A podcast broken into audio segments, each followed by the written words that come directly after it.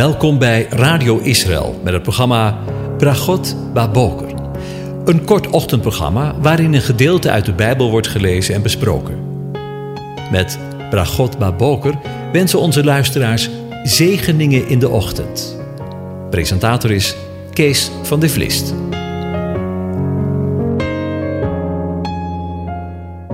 Goedemorgen, Bokatov, beste luisteraars.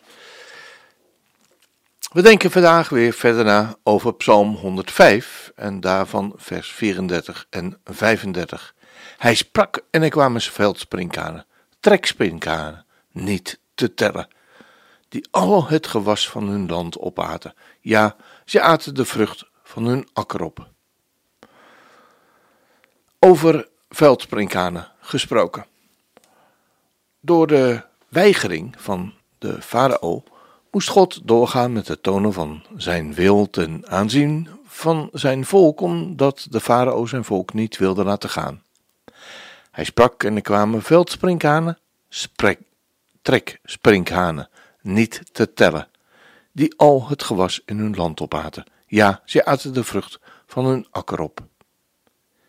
Dit is de achtste plaag die God over Egypte bracht, volgens Exodus 10, vers 12 tot 15. Eén enkele springkaan is natuurlijk onbetekenend. Hij stelt niks voor.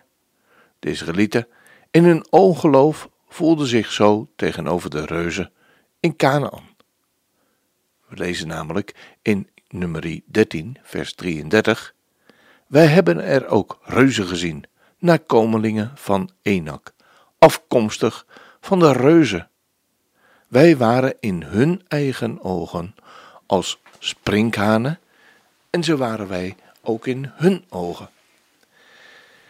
En ook nu weer lezen we in het boek Openbaring van sprinkhanen. En voor het verband van de tekst lees ik de versen 1 tot en met 9.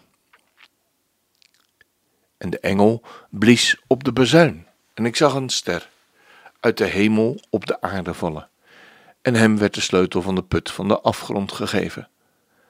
En hij opende de put van de afgrond, en er steeg ook rook op uit de put als rook van een grote oven. En de zon en de lucht werden verduisterd door de rook van de put.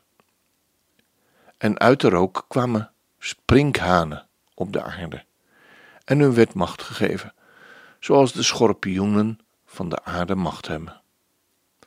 En tegen hen werd gezegd dat ze geen schade mochten toebrengen aan het gras van de aarde, of welke groene plant of welke groene boom dan ook, maar alleen aan de mensen die het zegel van God niet op hun voorhoofd hadden. En hun werd macht gegeven niet om hen te doden, maar om hen te pijnigen, letterlijk om gepijnigd te worden, vijf maanden lang. Hun pijniging was als de pijniging door een schorpioen, wanneer die een mens steekt. En in die dagen zullen de mensen de dood zoeken, maar niet vinden. Ze zullen er naar verlangen, te sterven, maar de dood zal van hen wegvluchten. De sprinkhanen zagen eruit, letterlijk, de gedaanten van de sprinkhanen waren als de paarden die voor de oorlog gereed gemaakt zijn. En hun koppen droegen, op hun koppen droegen zij kransen als van goud, en hun gezichten leken op gezichten van mensen. En zij hadden haar als haar van vrouwen, en hun tanden waren als tanden van leeuwen. En zij hadden borstharnassen van ijzer, en het geluid van hun vleugels was als het geluid van wagens met veel paarden die ten strijde snellen. En ze hadden staarten die leken op schorpioenen en er zaten angels aan hun staarten.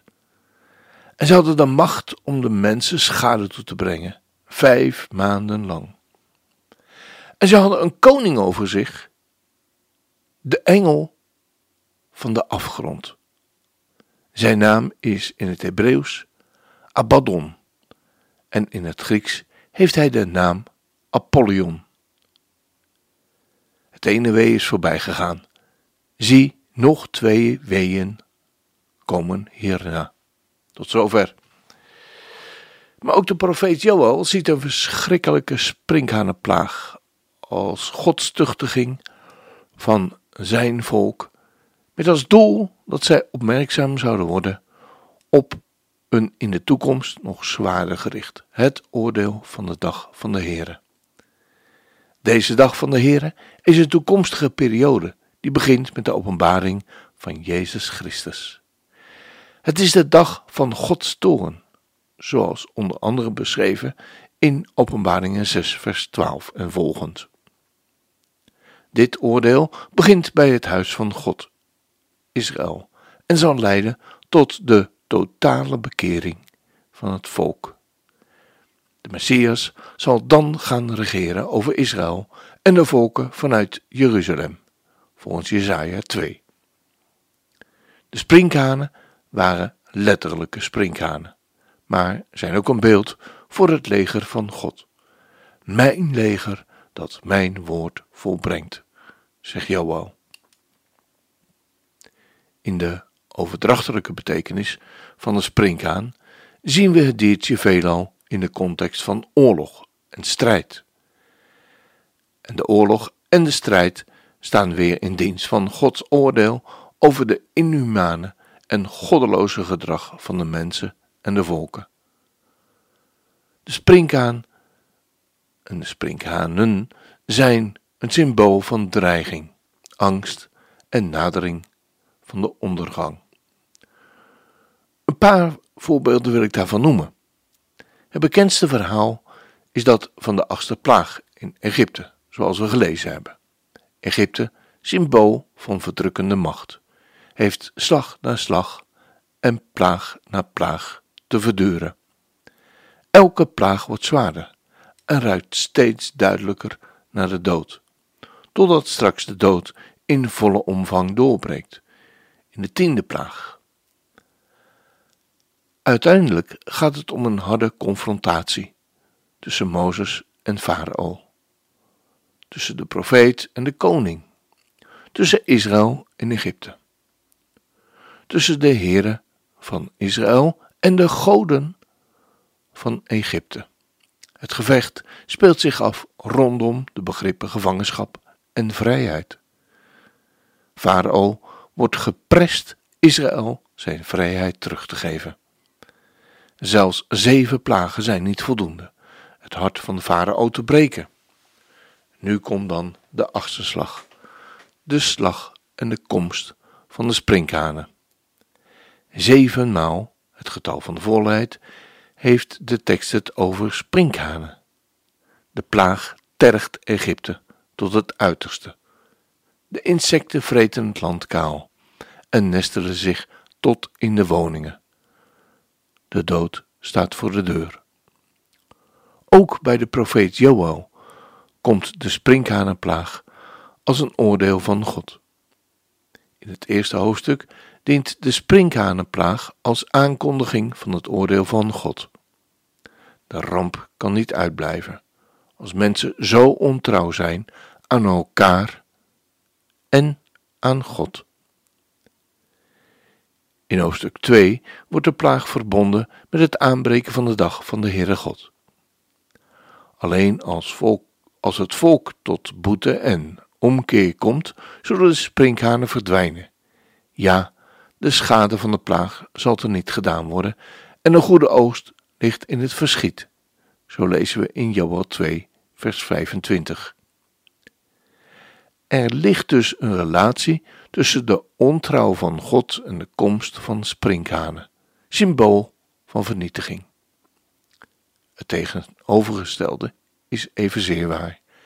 Trouw aan God betekent wegblijven van sprinkhanen, een beeld van zegen. Hetzelfde laat Mozes zien in Deuteronomium 28, vers 38. Met deze samenhang probeert hij het volk dat op het punt staat het beloofde land binnen te trekken duidelijk te maken dat trouw aan God en zijn geboden toekomst biedt. Daarentegen leidt ontrouw tot ondergang. De komst van vijandelijke legers wordt meer dan eens omschreven. met het beeld van aanstormende sprinkhanen. De profeet Nahum tekent de aanstaande vijand van Nineveh als verterende sprinkhanen. Hun komst zorgt bezorgd Nineveh de ondergang, zoals we lezen in hoofdstuk 3, vers 14 en 15 en vergelijk Jesaja 33, vers 4. Nahum hanteert ook nog op een andere en wat mij betreft opvallende en actuele manier de sprinkhanen. Hij vergelijkt de ambtenaren en de handelaren van Nineveh, dat is het hele bestuursapparaat, met sprinkhanen. En wel als volgt. Sprinkhanen zitten s morgens verstijfd van de kou weggedoken op de zichtbare plaats, wachtend op de warmte van de zon. Maar zodra die warmte hen bereikt, komen ze in beweging en vliegen plotseling weg.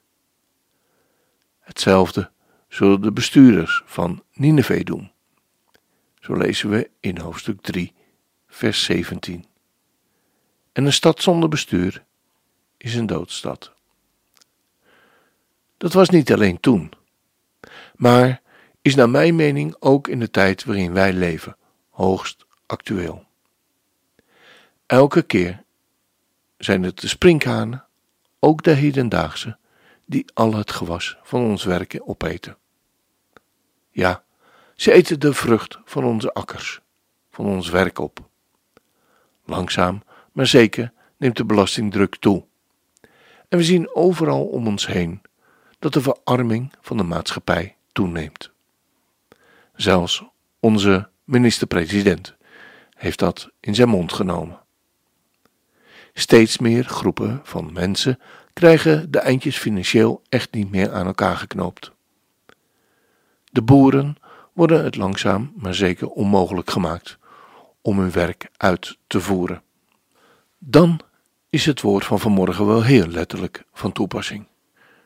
De hedendaagse sprinkhanen bedenken van alles, tot gedwongen onteigening toe, om het de boeren onmogelijk te maken hun roeping waar te maken, met uiteindelijke honger tot gevolg.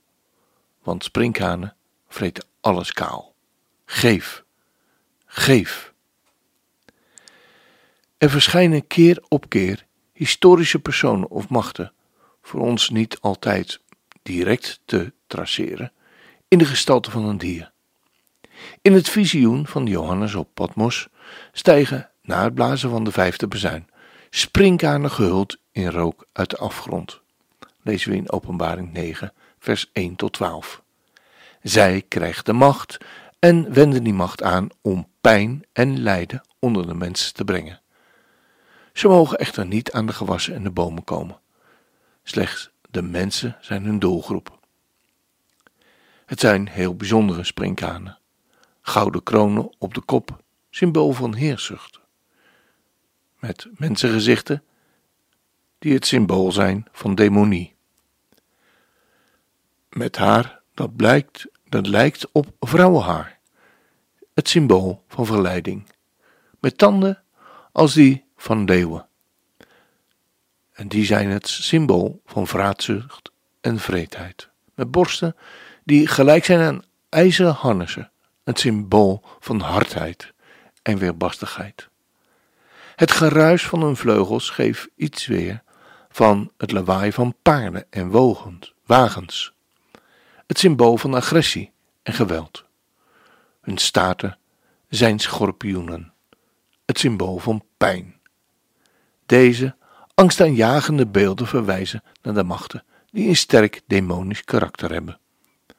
Wij zouden zeggen: de beer is nu echt los.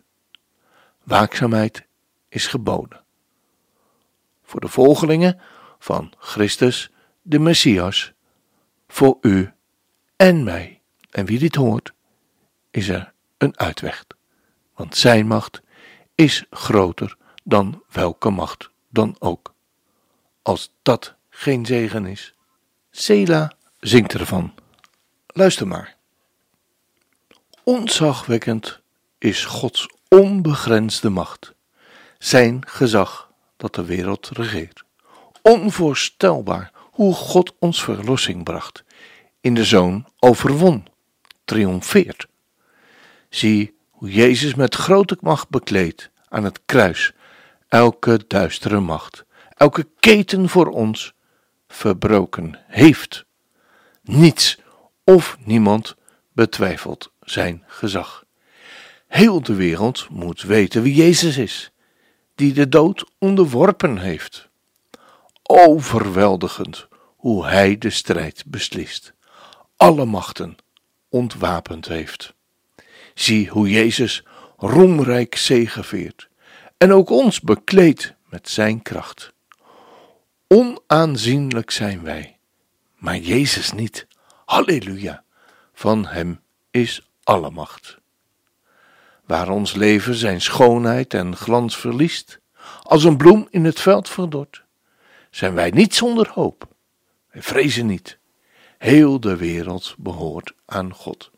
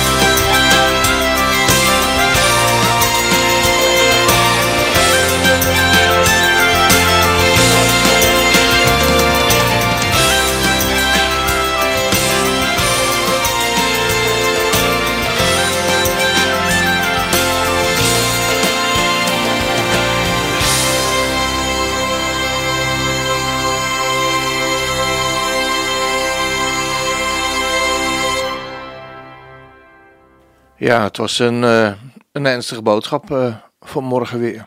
Weer opnieuw. En uh, ja, de teksten voor de, die we moeten lezen, Psalm 105, die gaan over de plagen, geven daar ook elke keer weer aanleiding toe. Um, maar er is hoop. Er is altijd hoop. En daar sprak dit lied ook van. Want uiteindelijk is het Hij die verlost. Is het Hij die zijn volk verlost. Maar het gaat niet zonder pijn en moeite. Het gaat niet zonder, zonder, zonder de weeën.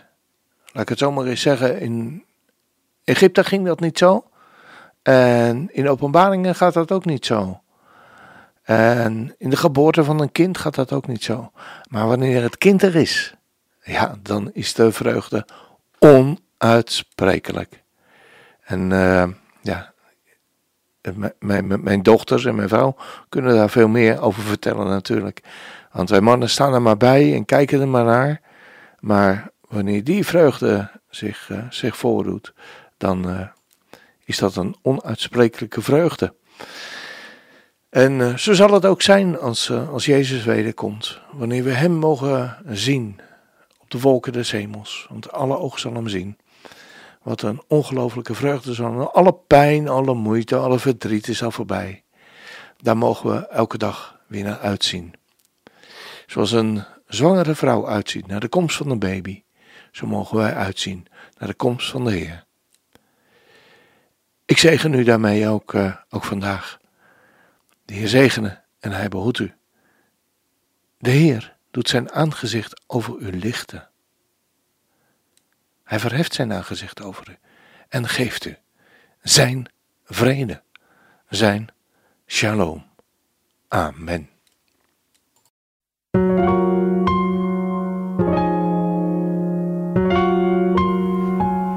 U hebt geluisterd naar het programma Bragot Baboker. Een kort ochtendprogramma waarin een gedeelte uit de Bijbel wordt gelezen en besproken. Wilt u het programma nog eens naluisteren, dan kan dat. Ga naar radioisrael.nl en klik onder het kopje radio op Uitzending gemist.